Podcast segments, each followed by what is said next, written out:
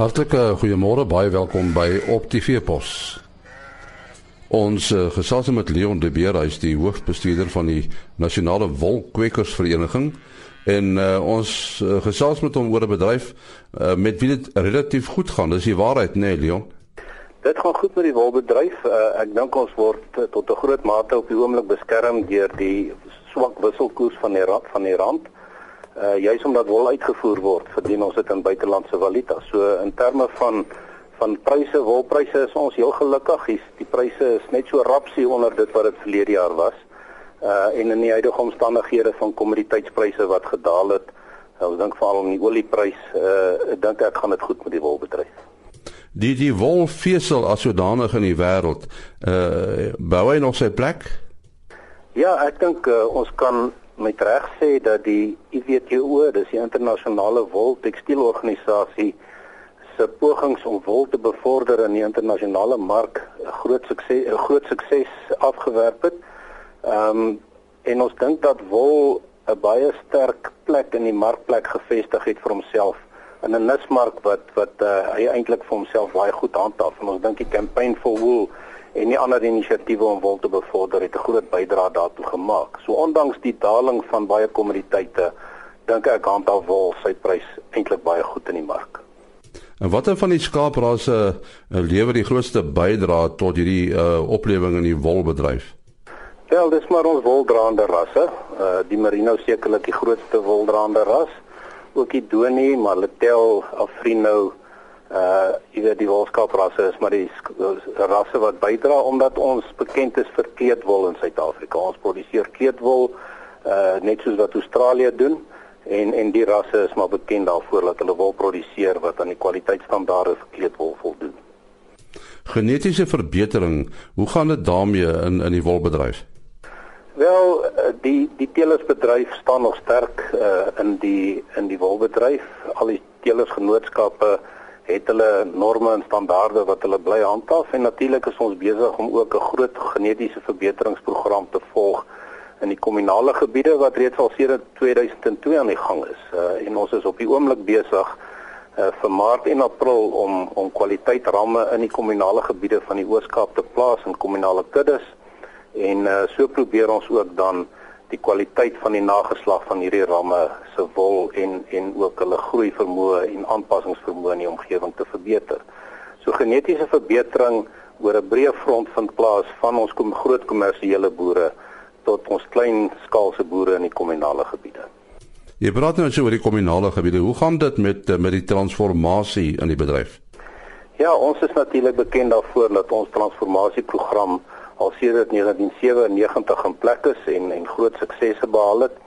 Uh ons het al uh ons suksese gemeet aan die hand van die inkomste en die volumes wat hierdie boere tot die mark bring. En uh, in 1997 toe ons begin het, het hierdie boere maar die kommunale boere skaars 200 000 kg deur die formele mark bemark met 'n waarde van ongeveer 1.5 miljoen rand en uh, en hierdie het gestyg tot verlede jaar 200 000 kg het gestyg tot 3.8 miljoen kilogram. En die 1.5 miljoen rand het gestyg tot 'n uh, uh majestueuse 138 miljoen rand. En, en natuurlik dit is geld wat verdien word uit buitelandse valuta omdat die wol uitgevoer word. Maar ons is van mening dat dit slegs omtrent so tussen 60 en 70% van die wol is wat deur die formele mark bemark word daar is nog 'n groot volume buite hierdie mark wat direk aan aan smouse verkoop word of of of in die handel in die informele mark verkoop word. En uh, ons skatting is dat hierdie boere as gevolg van die wol wat hulle deur daai mark bemark uh ongeveer 46 47 miljoen rand per jaar verloor omdat hulle met 'n goed geklaste skeersel 'n baie beter prys kan behaal op die formele mark op die veiling teenoor die informele mark wat hulle wat hulle so uh, hulle wil so bemark. So ons hele poging is ook daarop gemik nie net alleen om die kwaliteit en die kwantiteit van die skeersel te verbeter nie, maar ook om deur uh, produsente op te lei in hoe om te skeer, hoe om hulle wil te te, te klas en te voor te berei vir die internasionale mark sodat hulle ook toegang kry tot die tot die formele mark en beter pryse kan beding. So ons is volmoed dat ons hierdie produsente se wol volgens huidige pryse nog kan opstoot van die huidige 138 miljoen tot ver oor die 330 miljoen rand en dan is dit nog nie eers die vleis ingesluit nie. So daar's nog baie werk vir ons om in hierdie op hierdie front te doen. Hoe hoe vergelyk ons Suid-Afrikaanse wol met uh, met die, die van mededingers, dink van Australië en so aan? Ons is bewus daarvan dat ons wol een van die topgehalte wolle in die internasionale wêreld is. Ons handhaaf daai plek gelukkig nog. Ons is wel bekommerd oor besoedeling uh, wat plaasvind in ons skeersel en en al is dit 'n baie klein persentasie uh wil ons boere maan om asseblief te sorg dat hulle in hulle skeerhuise is met skeertyd en wolplastyd sodat hulle seker kan maak dat ongewenste produkte en eyster en vreemde materiale nie in hulle wol beland nie want ons word ernstig gepenaliseer indien dit in die buiteland uitkom. Ek weet van ons makelaars het ook uh, metaalverklikkers geïnstalleer sodat ons ook van hierdie ongewenste produkte uit die wol uit kan identifiseer voordat dit oorsee versend word. Nou hierdie ongewenste produkte, is dit maar uh nalatigheid wat veroorsaak dat dit daar aankom of is dit met opset? Nee, wat ek dink is maar bloot nalatigheid uh en en ek dink nie dit word regtig met opset gedoen nie. Uh dit uh, ons dink is maar grootlik nalatigheid en en toesig wat wat sekerlik verbeter kan word in die skeerhuis, in en om die skeerhuis. Uh hierdie hierdie uitdagings oor die vestiging van 'n verkopersverklaring oor die, oor die skaapverwante Johnny se siekte. Uh, vertel ons 'n bietjie meer daarvan. Wel, uh, Johnny se siekte is 'n siekte wat al jare in Suid-Afrika voorkom en uh, dit is 'n verklaarde siekte en sodra dit gediagnoseer word op 'n plaas word hierdie plaas effektief onder kwarantyne geplaas en mag hy nie in lewende hawe verhandel nie, hy mag dit slegs aan 'n abattoir verkoop vir slagdoeleindes. Daar is 'n verslapping in die in die maatreëls in die sin dat 'n uh, 'n uh, 'n uh, Johnny's positiewe kudde wel aan 'n ander positiewe kudde uh, in lewende hawe mag verhandel. Nou die hele doel van die verhandelingsverklaring of die vendor declaration soos hulle in Engels sou sê is om 'n poging aan te wend waar industrie betrokke is om te help om die kuddes wat skoon is van Johnny's se siekte uh jy weet skoon te hou en nie bloot te stel aan die siekte deur 'n verhandelingsverklaring uit te reik nie sodat die koper van lewende hawe, die kuddeboer deur die ver, ver, eh, verkoopsverhandelingsverklaring kan sien wat sy risiko is in die aanskaf van hierdie siekte as hy lewende hawe sou koop. So ons sou graag 'n so 'n verklaring wou sien dat 'n produsent verklaar dat sy sy diere getoets is en dat hulle negatief dalk is uh of hy en sy diere of wat ook al sodat die koper van lewende hawe sy risiko kan bepaal en daardeur hoop ons uiteindelik om dit reg te kry dat ons die siekte beperk tot die kuddes wat heidaglik die siekte onderlede het. Uh, wat wat beteken 'n organisasie soos die NWKV vir wolboere? Wel, ek dink die NWKV is werklik die die spreekbuis vir die wolboer.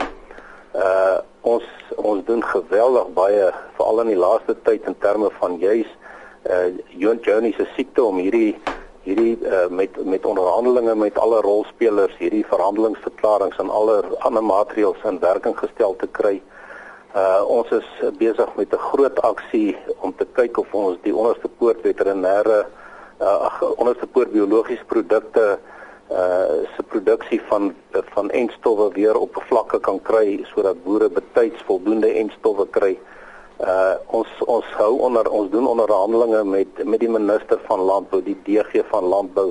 Ons is betrokke by die departement van grondsake met genetiese verbetering. Uh ons is betrokke op 'n wye front met hoë vlak uh besamesprekings met mense wat in besluitnemingsposisie posisies is. En ons probeer al hierdie dinge te kommunikeer deur 'n nuusbrief wat maandeliks uitgestuur word, asook ons tydskrif Die Wolboer wat elke 2 maande verskyn. Ons uh, organiseer ook kongresse met ons provinsiale strukture om terugvoering te gee aan produsente maar ook om produsente se se se uh, probleme op die tafel te sit en hulle behoeftes via kongresse en streeksvergaderings. Jaarliks hou ons ons nasionale kongres uh, gewoonlik in Port Elizabeth en die eerste week van Junie hierdie jaar is ons kongres weer op die uh, weer georganiseer en ons sal seker binnekort uh, die hoë vlak uh, sprekers wat ons by ons kongres sal hê ook bekend kan maak.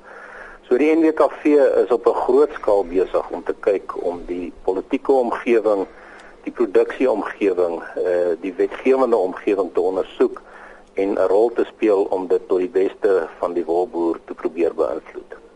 En, en wat maak die dubbeldoel man? Ek dink nou nou is daar vleis maar nie, wat is wol en vleis? So daar's twee bedryfsorganisasies ter sprake. Wel, dit is dit is waar vir enige wolboer want uh is uh, is 'n wolskaap uh produseer omtrent uh, 70% van sy inkomste kom uit vleis uit en 30% uit die wol uit.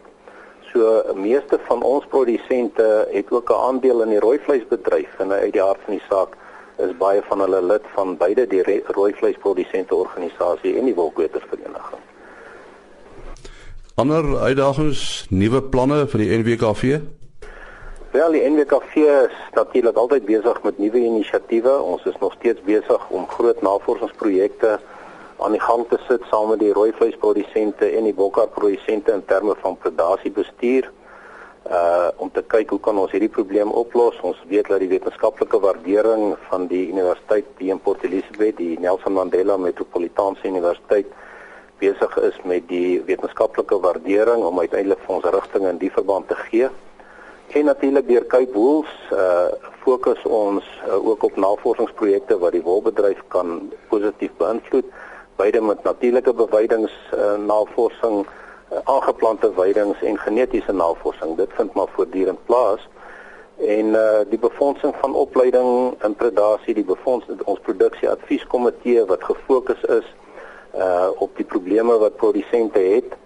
Uh ons het onlangs uh, saam met Cape Wools uh vo volledige opname gedoen nasionaal om te kyk uh hoe die hoe boere die diens sien en uh wat hierdie diens behoort vir boere te beteken.